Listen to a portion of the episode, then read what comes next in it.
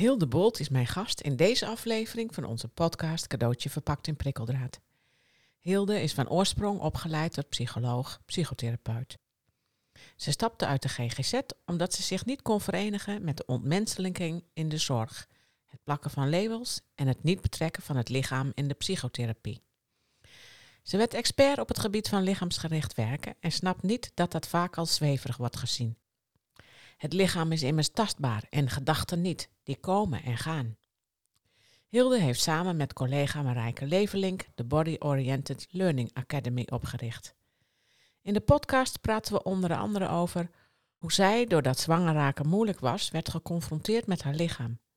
De illusie van controle, dat emoties vaak niet het probleem zijn, maar onze mening erover of die van anderen wel. Hoe oude culturen omgaan met pijn, rituelen en het lichaam. Dat niet meer vechten zorgt voor een soort van ontspanning in je lijf en dat je lichaam hele betrouwbare informatie geeft die je kunt leren verstaan.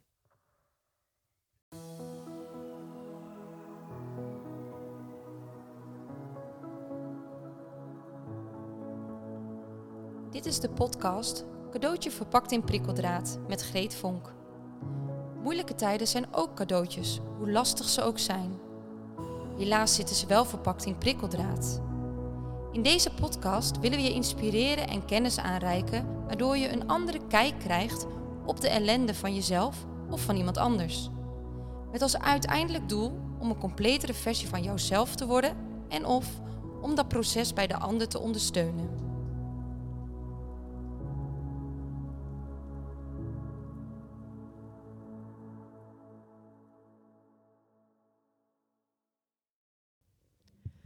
Hilde, welkom. Ja, dank je. Wij waren aan elkaar gekoppeld door uh, Brian de Mello van De Optimist. Wat heb jij met optimisme? Nou, eigenlijk kom ik er steeds meer achter dat ik er heel veel mee heb. De afgelopen vier jaar heb ik heel veel medisch gedoe gehad. En toen zei uh, een goede vriendin van mij van hoe kan het nou toch dat jij altijd zo optimistisch blijft? Je, je klaagt niet, ik heb, je, zegt, je hebt wel last van dingen, maar je klaagt er niet over. En ik geloof dat ik toch altijd een soort instelling heb gehad van jongs af aan. Dat als je ellende meemaakt, dan kan je maar beter er het beste uithalen. Dat doet me denken aan die uh, documentaire op Netflix. Van die uh, filmmaker die zijn uh, therapeut interviewt. Stuts heet het. En, dan Stuts? Stuts. S-T-U-T-Z. En die therapeut die zegt op een gegeven moment: When bad things happen, you have to squeeze all the juice out of it. En dat vond ik zo'n mooie uitspraak. En dat typeert mij denk ik wel. Ja, wij hebben in ons boek zoiets staan van: Misery is a terrible thing to waste. Oh ja, nou, fantastisch. Ja. Het is net zoiets, hè? Ja. Jij bent van oorsprong uh, psychologe en psychotherapeut. Uh, heb je uh, heftig geschoold in trauma. En uh, ook nog in uh, lichaamsgericht werken. Daar kan je hele lessen over vullen. Maar we gaan proberen in deze podcast de essentie daarvan ja. naar buiten te brengen, zodat mensen daar iets aan, uh, kunnen hebben. Als jij mensen begeleidt, hè, want je geeft opleidingen, maar je begeleidt ook nog steeds mensen. Wat valt jou dan het meest op waar we met z'n allen, nou ja, niet zo handig doen, zal ik maar zeggen? Nou, een van de dingen wat me opvalt is dat mensen soms weinig lichaamsverbonden zijn. En als ze wel binding hebben met het lichaam, dat ze het heel moeilijk vinden om daarnaar te luisteren. Om dat te volgen. En ook niet zo goed weten hoe ze daarmee om moeten gaan. Dus het is een, een soort van worsteling. Want mensen zeggen wel, ja, ik heb dan wel zo'n soort buikgevoel. Maar weten dan niet zo goed wat ze daarmee moeten. Dus eigenlijk het verstaan van het lichaam en de taal die het lichaam spreekt, wordt vaak niet verstaan. Als een buikgevoel bijvoorbeeld zegt van, goh, nou ja, ik heb twijfels over mijn relatie, dan zie je vaak dat mensen die twijfels al niet willen voelen en gelijk daar conclusies uit willen trekken van, oh, moet ik dan mijn relatie beëindigen of zo. Terwijl ik eigenlijk veel meer iets heb van, goh, eh, die twijfel, ga eens eens kijken van wat het is en wat het wil zeggen en waar twijfel je eigenlijk aan. En is het een trigger of is het wijsheid? Dus het onderscheiden van getriggerd zijn van buikwijsheid. Weet je, dus er zit een hele wereld achter die vaak niet onderzocht is en waar mensen vaak geen handen en voeten aan kunnen geven in hun leven. Dus dat valt mij heel erg op.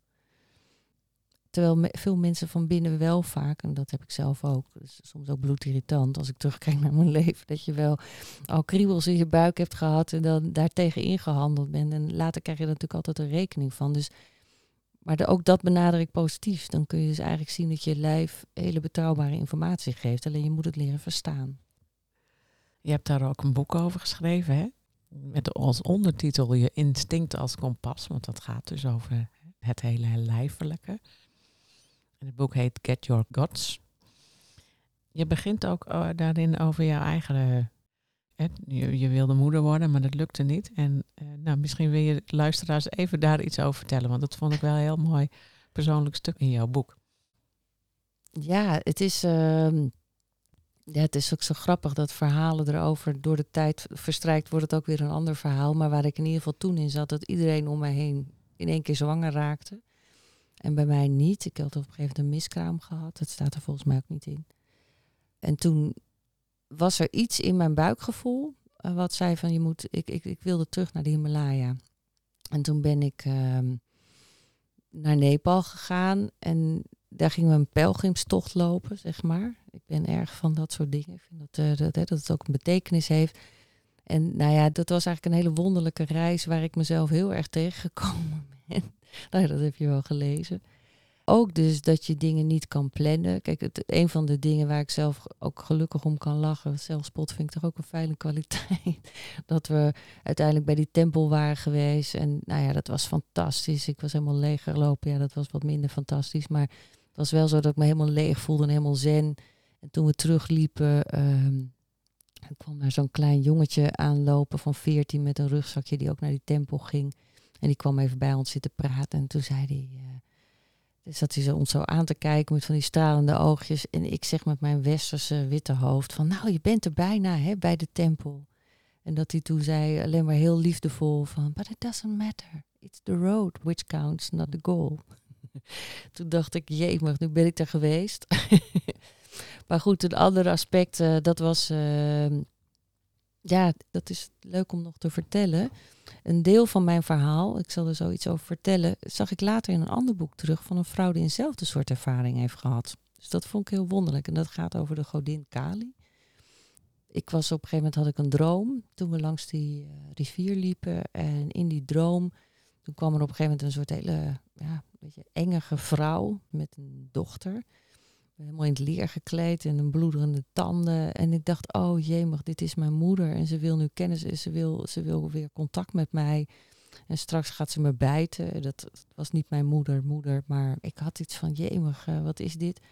En toen zei ze tegen mij van, als je mij niet erkent in jezelf, dan krijg je nooit waar je naar verlangt. En ik werd wakker en ik dacht, jemig, wat moet ik hier nou mee? En toen sprak ik in de ochtend een uh, man bij het ontbijt. En die vroeg dus, heb je gedroomd? En uh, toen vertelde ik die droom. En toen zei hij, weet je lang, langs welke rivier je loopt nu? Dus ik had ik me eigenlijk helemaal niet zo in verdiept. En toen zei hij, het is de Kali-rivier. En er zijn verhalen dat er soms ze in dromen verschijnt met een belangrijke boodschap. En uh, is er iets waar je erg naar verlangt? Dus ik dacht van, ja. En toen zei hij van, nou, dan vraagt ze een offer. Dus ik ben toen inderdaad, uh, nou ja, ik heb met, met, met stenen staan gooien. En ik heb een vuurtje gemaakt en mijn verlangens aan de rivier gegeven. En nou ja, het wonderlijke van het verhaal was dat ik na de vakantie uh, zwanger raakte. En wat het boek niet vertelt, is dat ik 16 jaar later, hoe heet toen had ik weer een droom waarin zij weer verscheen. Alleen zag ze er veel liever uit. Toen zei ze in die droom, je hebt je les geleerd, maar kom je me nog bedanken? Oké. En toen ben ik met mijn dochter van 16, eh, die dochter, teruggegaan naar Nepal en hebben de Kali-tempel bezocht. Wat een mooi verhaal. Ja, bijzonder hè. Maar heb jij, eh, want je zei van nou, je moest een offer brengen. Ik denk dat dat symbolisch ergens voor stond. Waar stond dat voor? Nou, ik denk hoe ik er nu op terugkijk, is de mythe van maakbaarheid, de mythe van controle dat niet alles te plannen is als ik iets nu wil, dat het gelijk gebeurt. Dus, dus het is echt heel erg, ik denk echt de illusie van controle. En als ik heel eerlijk ben, is die hele thematiek, want ik ben na de bevalling van mijn dochter eh, heel erg ziek geworden. Ik heb een auto-immuunziekte gehad en toen is mijn hele leven over de kop gegaan. En Kali als, ja, vanuit de traditie staat ook voor degene die breekt met oh, de crap Alles wat niet meer dient, verdwijnt uit je leven. Nou, dat is bij mij ook gebeurd. Uiteindelijk heeft het mijn huwelijk gekost, mijn vrienden gekost. En vooral het loslaten van controle en eh, ja, vooral dat. En daarna was je leven veranderd. Ja. Toen ben je ook veel meer bezig gegaan met trauma. Je werkte al als psycholoog en psychotherapeut toen ben je het ook anders gaan doen, hè? Ja, ik heb het, met trauma was ik al wel, eh, denk ik, al een jaar of acht bezig. Dus ik deed wel heel veel traumabegeleiding. Alleen de visie erop. Kijk, ik werkte toen op een afdeling waar mensen nog een kans kregen. Was een bovenregionale afdeling. Dus waren allemaal mensen die al heel veel behandeling hadden gehad. En je moet je voorstellen, toen, ja, ik was denk ik 25, toen zat ik in de psychotherapieopleiding. Maar daar leerden we gesprekken voeren met mensen die in staat zijn een gesprek te voeren. Ik werkte op een afdeling waar mensen met hun hoofd tegen de buur eh, bonkten, ruzie maakten, uh, gilden, krijsten. Dus ik had eigenlijk niet zo heel veel van die opleiding. En daar merkte ik al dat mensen soms als dieren reageerden, als gewonde dieren. En eh, ook wel geleerd gelijk al je eigen creativiteit te gebruiken, zeg maar. En ook dat ik dat fysieke stuk, weet je, ze, mensen beschadigden zichzelf heel erg. Dat ik dacht van, goh, wat, gek eigenlijk dat we dat in de opleidingen er eigenlijk niet bij krijgen. Ook niet in de traumaopleiding die ik daarnaast heb gevolgd. En toen ik zelf zo ziek was, toen kwam ik ook achter dat ik denk, nou, ik had zelf ook heel veel therapie gehad, maar ik heb geen idee wat ik met mijn lijf moet. Dus toen ben ik inderdaad mezelf gaan bijscholen. Ik ben weer begonnen met dansen, met dansen, bewegingsexpressen, met musiceren, met systemisch werk, met Maori healing, dus van de Maorische een training gevolgd. Nou ja, eh, in boeddhisme, nou, in allerlei dingen waar ook het lichaam meer meedoet. En daar vond ik eigenlijk veel meer antwoorden op zowel mijn eigen levensvragen als ook op wat ik in het werk zat. En wer zag ik werkvormen waarbij je veel sneller tot de kern kan komen. En dat ben je gaan doen. Dat, doe, dat, dat is nu eigenlijk, daar ben je 100% mee bezig. Hè? Ja, het is een deel heb ik nog eigen praktijk. Ik doe ook dingen voor organisaties. Maar wat ik met name belangrijk vind, is om dat lichaamsbewustzijn en de taal van het lichaam. Of het nou gaat over organisaties, over lesgeven, om dat te integreren en het toegankelijk te maken. Want eh, dat, dat ken je vast wel geleerd van dat het soms zo wonderlijk is dat lichaamsgericht als zweverig wordt gezien. Terwijl ik denk, ik vind cognitieve gedragstherapie in die zin veel zweveriger. Omdat dat eh, gedachten zijn natuurlijk eh, heel etherisch, heel fijn. Weet je, dus die zijn een komen en gaan. Terwijl het lijf is heel tastbaar. En eh, het is om het ook uit die hoek te halen. En je merkt gewoon ook, ik merk ook met de klanten met wie ik werk, dat mensen vaak zeggen van jeetje, nu heb ik in de GGZ al zoveel gehad en ik weet wel ja, hoe ik anders moet denken, maar mijn lijf zit nog steeds op slot. Ik geef mensen heel veel oefeningen mee. Ik leer ze gewoon dingen van wat ze zelf kunnen doen, ook in de praktijk. Dagelijks. En dat is eigenlijk onderhoud. Ja, ik zeg het net met je auto. Je heeft onderhoud nodig. En je moet weten hoe het werkt. Dus dat doe ik in onderwijs, in alles. In jouw boek schrijf je daar ook heel veel over, hè? de verbinding tussen hoofd, hart en instinct. Ja, hoofd en hart, daar wordt al vaak veel over geschreven, maar instinct eigenlijk nog heel weinig. Wat is voor jou instinct precies? Nou, instinct is eigenlijk. Er zijn natuurlijk verschillende definities van. Hè. Het is in feite natuurlijk een soort overlevingsmechanisme. En dat wordt ten onrechte, vind ik, soms een beetje negatief uitgelegd. Want ja, gelukkig heb je het. Als een hertje een, een leeuw ziet en voelt dat hij weg kan rennen, dan is, ja, zit hij dan vast in een overlevingsmechanisme. Het is gewoon heel functioneel. Dus in feite is het instinct van oorsprong, een middel zou je kunnen zeggen, of eh, wat je hebt meegekregen van de natuur om jezelf in leven te houden. En daarin zie ik bij mensen grote problemen in, eh, ontstaan. Dus, dus, als je bijvoorbeeld ziet, eh, woede bijvoorbeeld of boosheid wordt door mensen heel vaak gezien als negatief. Ja, we moeten geciviliseerd reageren. Ja, we moeten dat allemaal netjes volgens de feedbackregels doen en zo. Terwijl je, maar de energie blijft in je lichaam zitten. Terwijl als je kijkt, gewoon sec, waarom hebben we de capaciteit om boos te worden? Dat heeft te maken met grenzen aangeven, heeft eigenlijk met overleven te maken. En dus als je hond eh, grond omdat hij zich niet veilig voelt, dan zegt niemand van God, eh, wat, kan hij dat nou niet wat milder doen? Dan snappen we dat, maar als mens vinden we dat heel gek. Met als gevolg dat we ons niet leren uiten, het zo oploopt dat het inderdaad wel buitensporige reacties worden als je het wel gaat doen. Dus dat is de andere kant. Maar dat, natuurlijke agressie is in feite gewoon een, ja, zou je kunnen zeggen, een ondersteunende kracht. Die je hebt meegekregen van de natuur om jezelf in veiligheid te brengen. Bijvoorbeeld, hè? dus dat is een aspect daarvan. Nee, dat, dat, is wel grappig, want deze podcast gaat over posttraumatische groei, dat weet je. En een van de belangrijkste dingen en heel veel wetenschappelijk onderzoek is, wil je posttraumatische groei realiseren, dat mensen hun emoties kunnen hanteren. Dat zit heel erg dicht tegenaan wat jij nu vertelt, hè? Nou ja, weet je wat ik zo grappig vind? Het staat volgens mij, ja, dat staat ook in dat boek. Uh, dat ik kwam een Duitse man tegen die uh, psychotherapeut was. Dat was in de Himalaya. En daar had ik een heel mooi gesprek mee. En die was een hele ervaren therapeut, de oude man. En toen vroeg ik van, goh, als ik nou kijk naar het vak, wat vind je daarin het allerbelangrijkste? En toen zei hij, it's so stupid how people struggle with emotions. It's like going outside and wanting to change the weather. Dus hij zei, het is, we leren ons niet verhouden met de stemming of wat we voelen.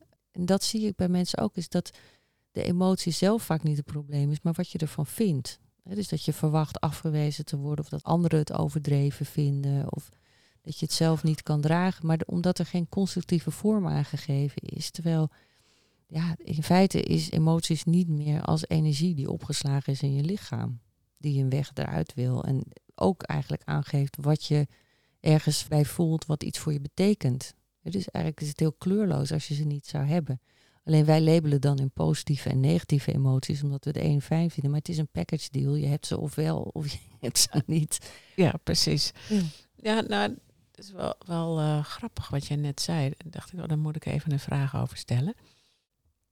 En jij bent ook uh, traumadeskundige. Nou, dat heeft één op één met elkaar te maken. Mensen hebben heel vaak een oordeel over hun eigen emoties. En dat oordeel heeft ook te maken met hoe we zijn opgevoed en met onze cultuur. Hè? Ja. Jij bent ook veel in andere culturen geweest. Kun je daar ons een beetje in meenemen, wat jouw kennis, ervaring is op dat gebied? Nou, kijk, ik denk wat me opvalt is met name in de meer oorspronkelijke culturen dat er veel meer rituelen zijn, dat er veel meer een bedding is vanuit een soort van tribe of community waar mensen met rituele dingen doen. Ehm, waarbij je zo kan zeggen dat de pijn meer in de community ook gedragen wordt. Weet je, we hebben heel veel mensen, dat vind ik het rare aan mijn vak, is dat ik denk van god, wat heb ik toch in de afgelopen, wat is het, 28 jaar wel niet gehoord van mensen wat vrienden of een partner soms niet eens weten. Dus, dus, dus je zou kunnen zeggen, wij lopen heel lang ermee door, alleen. En dan gaan we dat delen en daar betalen we dan voor. Dat is eigenlijk natuurlijk heel gek.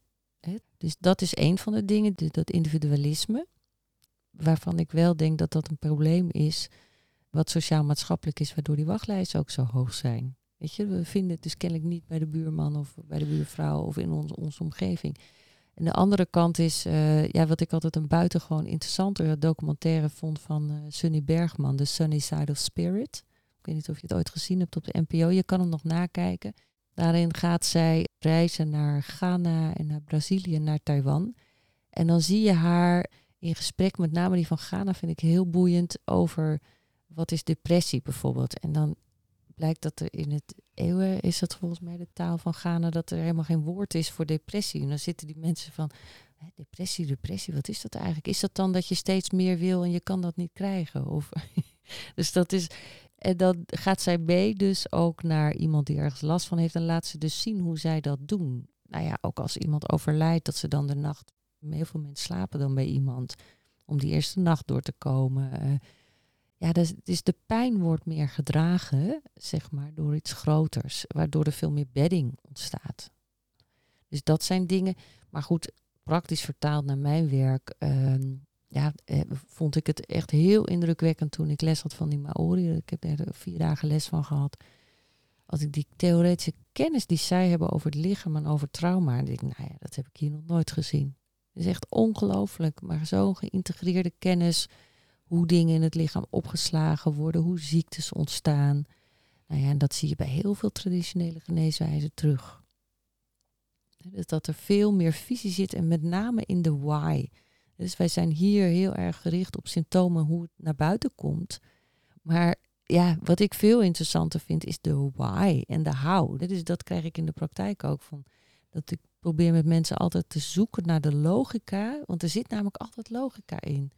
Van waarom dingen zich zo hebben opgebouwd en manifesteren. En dat komt dan op die manier naar buiten. En wat kan ik eraan doen?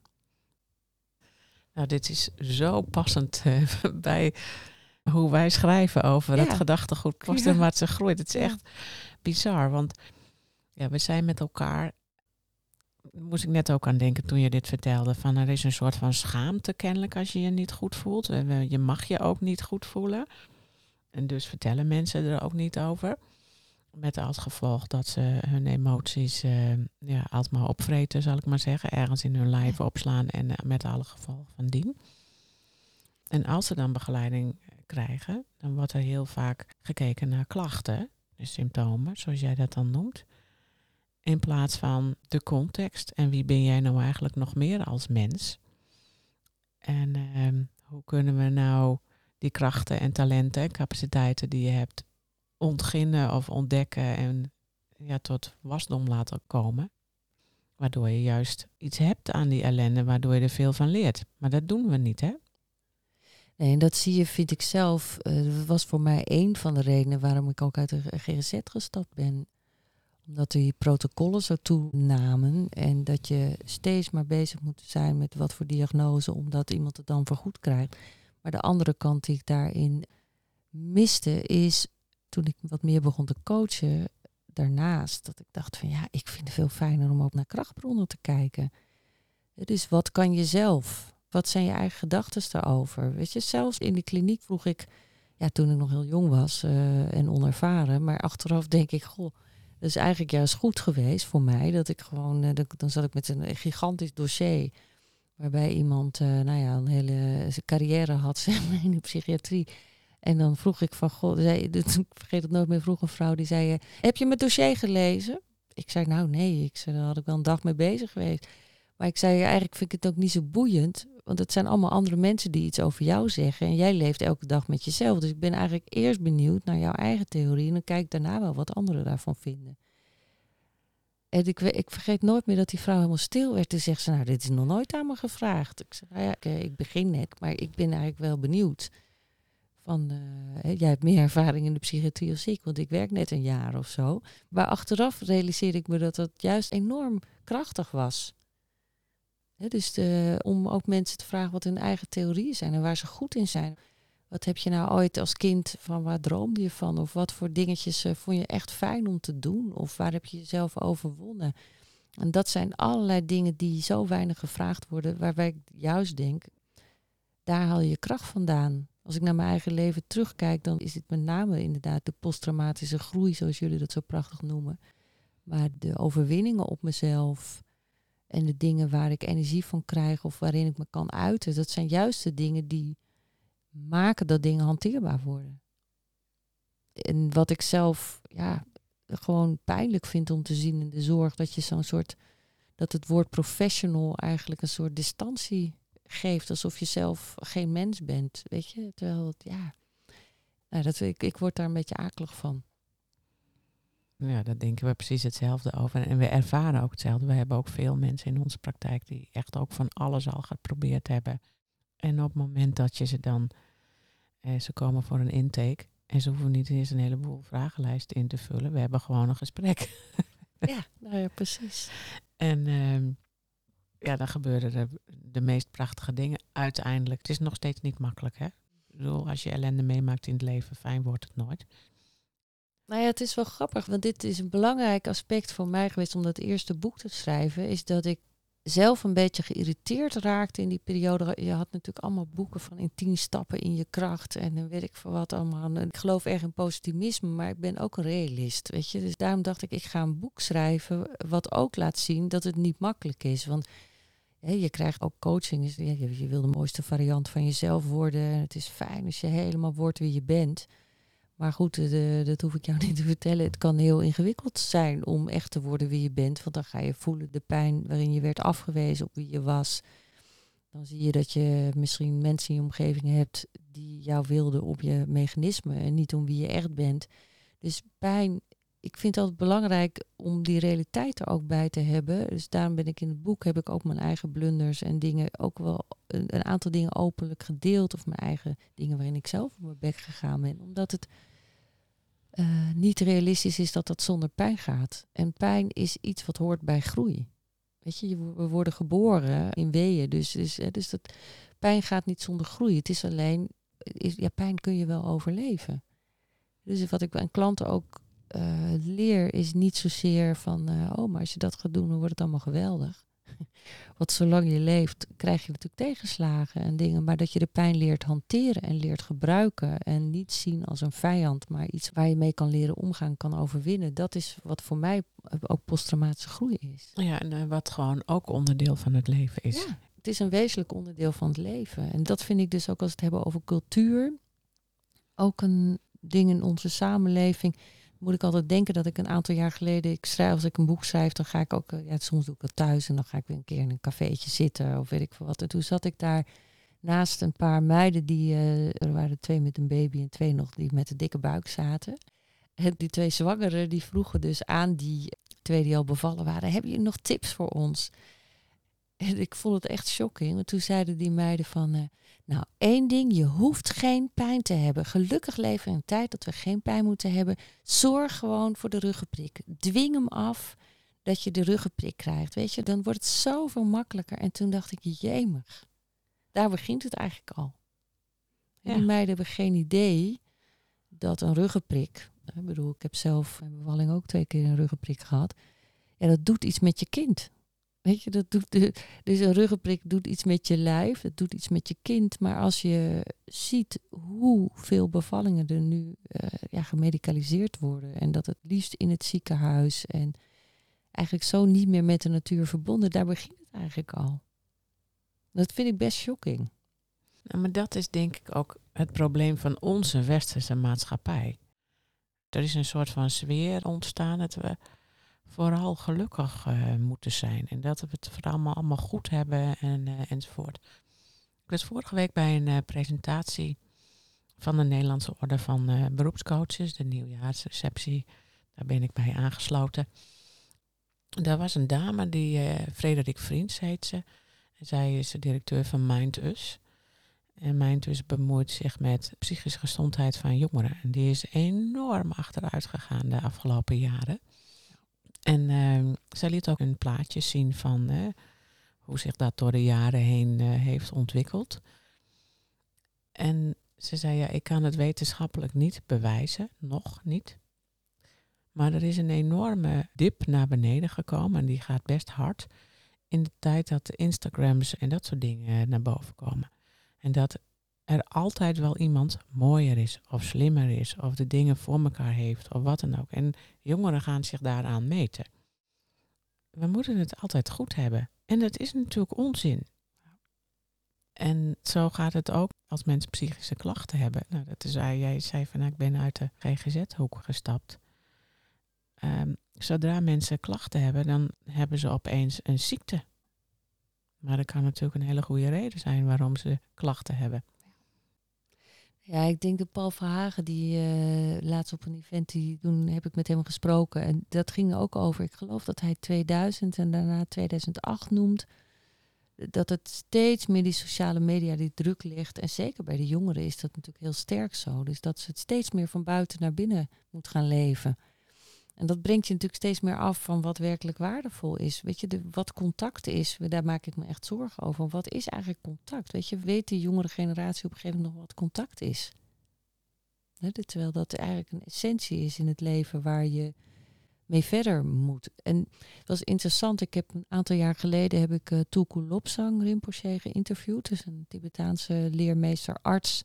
Hoe heet die meneer precies? Tulku Lopsang Rinpoche. Nooit van gehoord. Nou, het is een hele interessante. Op YouTube staat een filmpje. Dus als je Tulku Lopsang Rinpoche uh, over burn-out hoort. Uh, nou ja, dat is, vind ik echt fantastisch. Dus hoe kijkt hij nou, dus vanuit Tibetaans boeddhisme, naar onze samenleving? En ik heb hem voor tijdschrift voor coaching ooit geïnterviewd.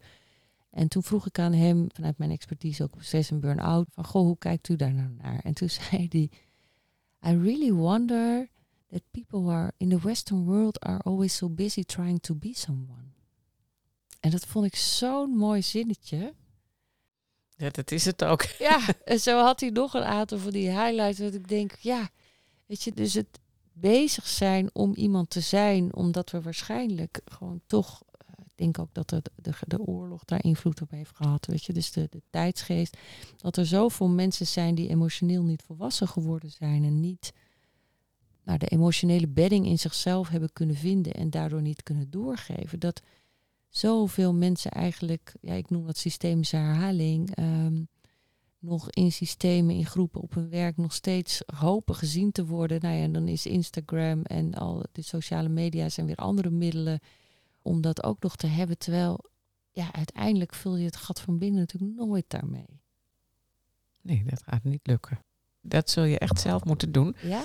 En om even weer terug te gaan naar jouw expertise, dat lichaamsgerichte dat heeft daar veel mee te maken. Hè? Dat je echt in contact bent met je lijf.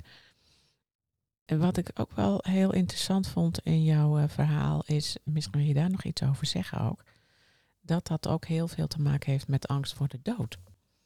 Ja, nou ja, ik geef al jaren bij Coach College de Baak lichaamsgericht werken, dus zeg maar de college daarover. En ik denk op een heel existentieel niveau dat heel veel mensen moeite hebben om contact te maken met hun lijf, omdat het lijf ook herinnert aan een sterfelijkheid. En aan de oncontroleerbaarheid. Want dat vond ik zelf eh, toen twee jaar geleden, nou ja, toen allerlei uh, scans en weet ik wat ik allemaal heb gehad aan, aan onderzoeksdingen. En dat ik op een gegeven moment daar in dat scanapparaat lag en dat ik dacht van hoeveel gebeurt er eigenlijk in mijn lichaam wat ik gewoon geen idee van heb. Weet je, je, kan gewoon van alles ontwikkelen wat je nooit ziet. dus je kan alleen maar zorgen dat je er de goede input in, in de zin van voeding en leefgewoontes en dat je er op een gezonde manier mee omgaat. Maar je weet het nooit. Dus dat niet weten. Er zitten zoveel dingen, aspecten, dus de, de angst voor de dood, de oncontroleerbaarheid, maar ook het niet weten wat vastzit aan het lijf. Waardoor het ook natuurlijk niet comfortabel is om daar contact mee te maken. En toen ik een scan had voor mijn uh, pancreas, toen hadden ze een, uh, ja, dat is ook weer zo'n woord wat je dan ineens hoort, uh, bijvangst. Dat er twee kiestes op mijn lever zaten. Nou ja, ik was toen sowieso, omdat het heel risky was, was al in de stress, toen kreeg ik natuurlijk nog veel meer stress. Maar toen zei die radioloog op een gegeven moment wel van nou, eh, dus ik heb een jaar geleden nog een controlescan gehad en het bleek inderdaad gewoon een waterzakje te zijn. Maar toen zei hij van ja, ieder mens heeft elke dag cellen en informatie in het lichaam wat eigenlijk nou, ook weer gewoon afgebroken wordt. Maar het is natuurlijk als je een scan neemt, kan je er meer dingen bij zien. En dat maakt me er steeds van bewust dat het gewoon ook best beangstigend kan zijn. Weet je, omdat er natuurlijk een bepaald stuk is waar we als mens ons mee te verhouden hebben, is dat wij een bewustzijn hebben dat je op een gegeven moment doodgaat.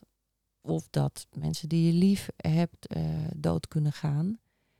En dat is een confrontatie die eigenlijk via het lichaam ook komt. Het is, je kunt je nergens aan vasthouden, ja, in het moment.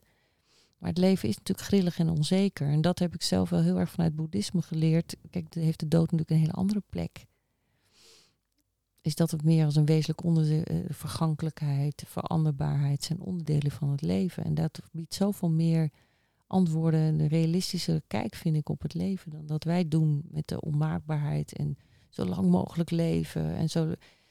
Alleen dat geeft al stress en dat is eigenlijk helemaal niet goed voor de gezondheid. Dus er zitten heel veel aspecten zeg maar, aan die. Uh, wel met het lijf ook te maken hebben. Het is natuurlijk gewoon een wezenlijk onderdeel van de natuur. En ja, de natuur is sterfelijk. En het bewustzijn dat je gaat sterven ooit, ja, dat is natuurlijk eigenlijk best een, ik noem het in mijn boek eh, een wrede grap van God. het eigenlijk best lullig. Ik bedoel, dieren hebben dat natuurlijk op een andere manier. Die hebben soms uh, intuïtief misschien dat ze weten dat ze gaan sterven, maar daar zit dan veel meer overgave in. Weet je, bij ons zit daar zo'n gevecht in. Terwijl het wat we net ook al zeiden, pijn is onderdeel van het leven, maar doodgaan ook. Ja. ja. Het is, eh, ja, ik heb dat zelf als dat ik denk van, goh, weet je, ik ben heel gelukkig in mijn relatie. En dat zeggen wij ook wel eens tegen elkaar van, eh, ja, en je weet gewoon dat een van de twee ooit eerst gaat.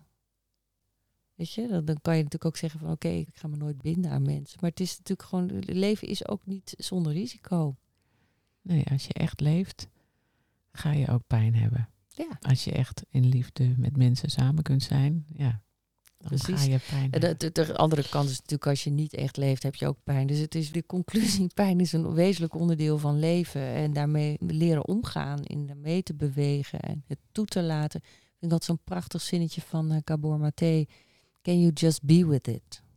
Can you be with it? Wat voor mij het midden aangeeft. Hè? Dus niet in wegzinken, er niet van weggaan, maar kun je erbij blijven. Vind ik zo'n prachtig zinnetje. Wij gebruiken heel vaak het woord overgave daarvoor. Ja. En overgave noemen wij dan de overtreffende trap van accepteren, aanvaarden.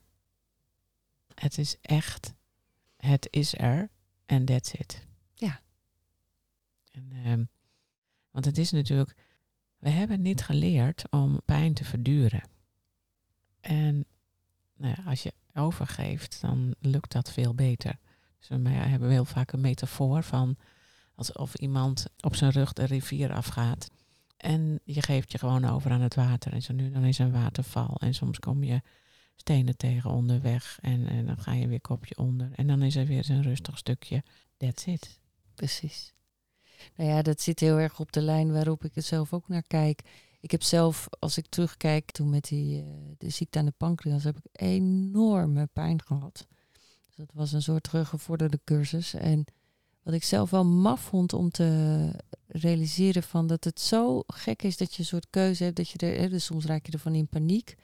Maar dat juist als je er doorheen kan ademen, op een of andere manier je, eh, en dat ging natuurlijk helemaal niet over één nacht ijs hoor. Ik bedoel, met gepaard met veel wanhoop. Maar dat ik wel merkte ervoor zorgen. Dus bijvoorbeeld als ik een kruik legde op de pijn, ik legde mijn hand erop, dat het hanteerbaarder werd. Dus het gaat ook over het hanteerbaar maken. En de adem doet daar ook een hoop in. En ook je hoofd op een andere manier gebruiken. Ik heb op een gegeven moment, een vriendin van mij deed met mij een visualisatie. En toen op een gegeven moment dacht ik van, oh ja, die pijn. Er zijn ook nog heel veel delen in mijn lichaam waar ik geen pijn heb. En dat hielp ook, weet je. Dus dan werd hij net iets minder scherp. En dus het is ook, ja, in die zin heb ik er eh, vrij recent een behoorlijke cursus in gehad. maar dan zie je gewoon dat het uiteindelijk je dat dus wel ehm, op een bepaalde manier leert hanteren. En het gekke is dat ik ook merkte dat dat hielp, zeg maar, in het genezingsproces. Dat is misschien eigenlijk helemaal niet gek. Maar... Nee, dat is niet gek. Dat is eigenlijk heel logisch. Ja. Maar voor heel veel mensen is dat misschien niet zo. Dus misschien kun je dat proberen uit te leggen. Waarom dat logisch is voor jou.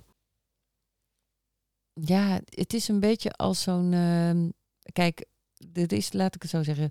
Er zijn twee dingen. Er is, als er acuut iets is en de pijn loopt op, dan moet er natuurlijk op een gegeven moment gewoon iets gebeuren. Weet je, dus er is ook iets gewoon als acuut. En dat was in mijn geval. Nou ja, dat was telkens op het randje, maar dat was niet zo. ehm, dus die pijn kwam en ging. En wat ik zelf heb ervaren is dat het net als is zo'n bal die je onder water probeert te duwen, dat die dan ook weer boven komt. Dan zit je in dat gevecht. En je merkt eigenlijk dat de scherpte ervan, eh, dit is eigenlijk wat jij zegt in die overgave, als je op een gegeven moment er niet meer tegen vecht, als je echt stopt met vechten, ja, dan komen er tranen, dan komt er van alles, dan komt er een soort van ontspanning in je systeem. En dan moet ik denken aan, ehm, volgens mij was dat Henk Fransen, die arts die heel veel werkt met kanker, ook vanuit een wat meer alternatieve visie. Maar die had een podcast over onderzoek van spontane genezingen, dus ook van kanker. En wat die mensen nou gemeenschappelijk hadden. En dat was eigenlijk de volkomen acceptatie en overgave.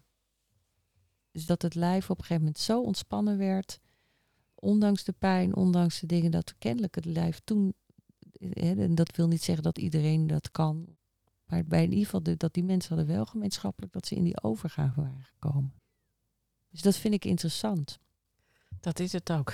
Ja, Maar goed, wat we net al zeiden, dat is lang niet altijd makkelijk, hè? nee, het is heel lastig. En nogmaals, kijk, weet je, dat vind ik zelf ook soms. eh, we hebben soms zo de neiging als mens om dan weer dingen te willen generaliseren. Weet je, net als dat je van als iemand helemaal van kanker op een wonderbaarlijke manier genezen is, dat dat voor iedereen weggelegd is, dat geloof ik helemaal niet. Om meerdere redenen, want ik denk dat er ook sommige dingen gaan gewoon zo en dat kunnen we als mens gewoon niet bevatten waarom het zo gaat. Maar het is wel zo dat er een hoop, uh, en dat heeft ook, dat beschreven jullie ook zo mooi, dat, dus dat eerst gaat ook over kennis. Er is heel veel bewustzijn en kennis niet. Het komt niet bij mensen terecht, dat zit ook niet in de zorg, waardoor wel heel veel stress en pijn, of het nou fysiek of psychisch is, veel hanteerbaarder gemaakt zou kunnen worden. Als het gaat over ademhalingstechnieken, nou ja, waar we het net ook over hadden. Ik denk wel dat daar nog wel, als het gaat over voorluchting en educatie, wel, uh, nou ja, dat, dat kan wel echt verminderen. Dus om met lijden om te gaan. We hebben in, in ons boek ook, dat heb je dan ook gezien, we hebben het genoemd Sterker door ellende, friemeltje. Dat ook in de buitenwereld er heel vaak van uitgegaan wordt dat als je weer begint op te krabbelen, dat dat dan alleen maar omhoog gaat. En dat is natuurlijk gewoon niet zo.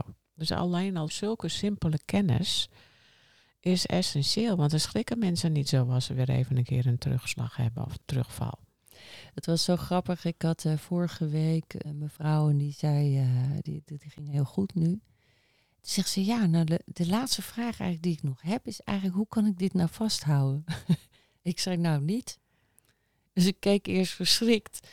Ik zei, ja, weet je, ik zou liegen als ik zou zeggen dat je dit kan vasthouden. Ik zei alleen, je kan wel kijken van wat heb ik nu gedaan zelf zodat ik me beter voel. En de dingen die ik nu doe, hoe kan ik dat ook gaan toepassen? Dus je weet gewoon sneller wat je kan doen op momenten dat je minder uh, bent. Je minder goed voelt. En dus je kan het beter leren hanteren. Maar je kan niet, ik, ik geloof niet dat dat kan vasthouden. En dat vind ik ook wel grappig, want zeker, ik heb vier jaar, heel, wat ik al vertelde, heel veel medische ellende gehad. En dan, uh, een tijd geleden kwam ik uh, iemand tegen op een conferentie die ik heel lang niet had gezien. zei oh, wat fijn dat het nu goed met je gaat. En nu vasthouden, hè? zei hij. Ik denk, ja, dat is zo onze maatschappij. En denk ik, nou, ik zou niet weten hoe. Maar dat is zo datzelfde principe. Het gaat met golven. Ja, het, het gaat met golven. Alles in de natuur gaat met golven, met expansion, met contractions. Ja. En als je dat weet, dus die kennis daarover, dan. Uh, ik zeg vaak tegen mensen van zelfzorg. Hè, dus heel veel mensen die worstelen met zelfzorg, ken je vast. En heel veel mensen die dan heel positief zijn, die zeggen, ja, dan ga ik lekker een dagje met een vriendin naar de sauna. Of, en dan zeg ik, ja, maar dat is geen zelfzorg. Weet je, voor mij laat zelfzorg zich zien wat je doet op het moment dat je je niet goed voelt. Want dat is eigenlijk, hè, dus wat doe je dan? Dat kan nog steeds de sauna zijn, maar. Precies. maar dat is wat ik vaak zie, is dat mensen dat juist niet doen. Op het moment dat ze het meest nodig hebben, gaan veel mensen juist niet voor zichzelf zorgen. Dan vallen ze terug juist op verslavende patronen of op destructieve patronen. Ja, wat voor je lijf dan ook weer. Uh, ja, en als je weet wat je dan nodig hebt, zeker bijvoorbeeld op het thema zelfcompassie, is om zacht te zijn voor jezelf dan. Nou, dat is wat ik bij heel veel mensen als probleem ook zie. Ja. Hey, we zijn bijna door alles heen. Ik heb nog één, ja, misschien een beetje gekke vraag. En, uh, eigenlijk hou ik er helemaal niet van, maar toch ga ik hem stellen. Nou, Als jij nou één tip hebt voor mensen om meer in contact met hun lijf te zijn, wat zou dat dan zijn? Uh, nou ja, word je ervan bewust dat je zonder lichaam niet kan leven? En zie je lichaam als onschuldig. Dus wat er ook met je gebeurd is, het is nooit het schuld van het lichaam. Dus wees er een beetje zacht en lief voor. Dus en kijk hoe je dat concreet kan omzetten in gedrag met dagelijkse liefdevolle handelingen. En dat zit hem, dat is misschien wel belangrijk, zit hem in kleine dingetjes. Dat zit niet omdat je zes weken in een detox uh, moet gaan naar India en een yoga resort. Maar dat zit hem in uh, uh, lekker muziekje opzetten, even een dansje doen in de woonkamer. Of even lekker douchen of scrubben. Of juist die kleine dagelijkse liefdevolle handelingetjes. Nou ja, kun je gewoon veel meer balans brengen in je lijf. Dankjewel. Ja, jij ook bedankt. Dankjewel voor het luisteren naar deze cadeautje verpakt in prikkeldraad podcast. We willen nog graag een paar belangrijke dingen met je delen. Als je enthousiast bent over deze podcast dan zijn we blij met een review. Daarmee help je ons bij onze missie. Je kunt de podcast natuurlijk ook doorsturen aan mensen van wie jij denkt dat ze er ook iets aan hebben. Wil jij voortaan alle nieuwe podcastafleveringen overzichtelijk op een rijtje? Abonneer je dan op deze podcast. Heb je vragen of ideeën voor deze podcast? Horen het graag. Je kunt een mail sturen naar info@sterkerdoorellende.nl of Greet Vonk een bericht sturen op LinkedIn. Zoveel mensen kunnen profiteren van een andere kijk op ellende. Het is daarom onze missie om PTG bekender te laten worden dan PTSS. Wil jij meer weten over PTG of bijdragen aan onze missie? Kunt op onze website www.sterkerdoorellende.nl onze boeken bekijken en eventueel kopen, de e-learning bekijken, een gratis inspiratiesessie volgen, de PTG-vragenlijst invullen, workshops en opleidingen boeken. We hopen dat deze podcast jou heeft geïnspireerd, zodat je in tijden van ellende in jouw leven of werk kiest voor het positieve en hoopvolle gedachtegoed van PTG. Voor jouzelf, je familielid, je vriend, vriendin, collega, klant, voor wie dan ook. Tot de volgende keer.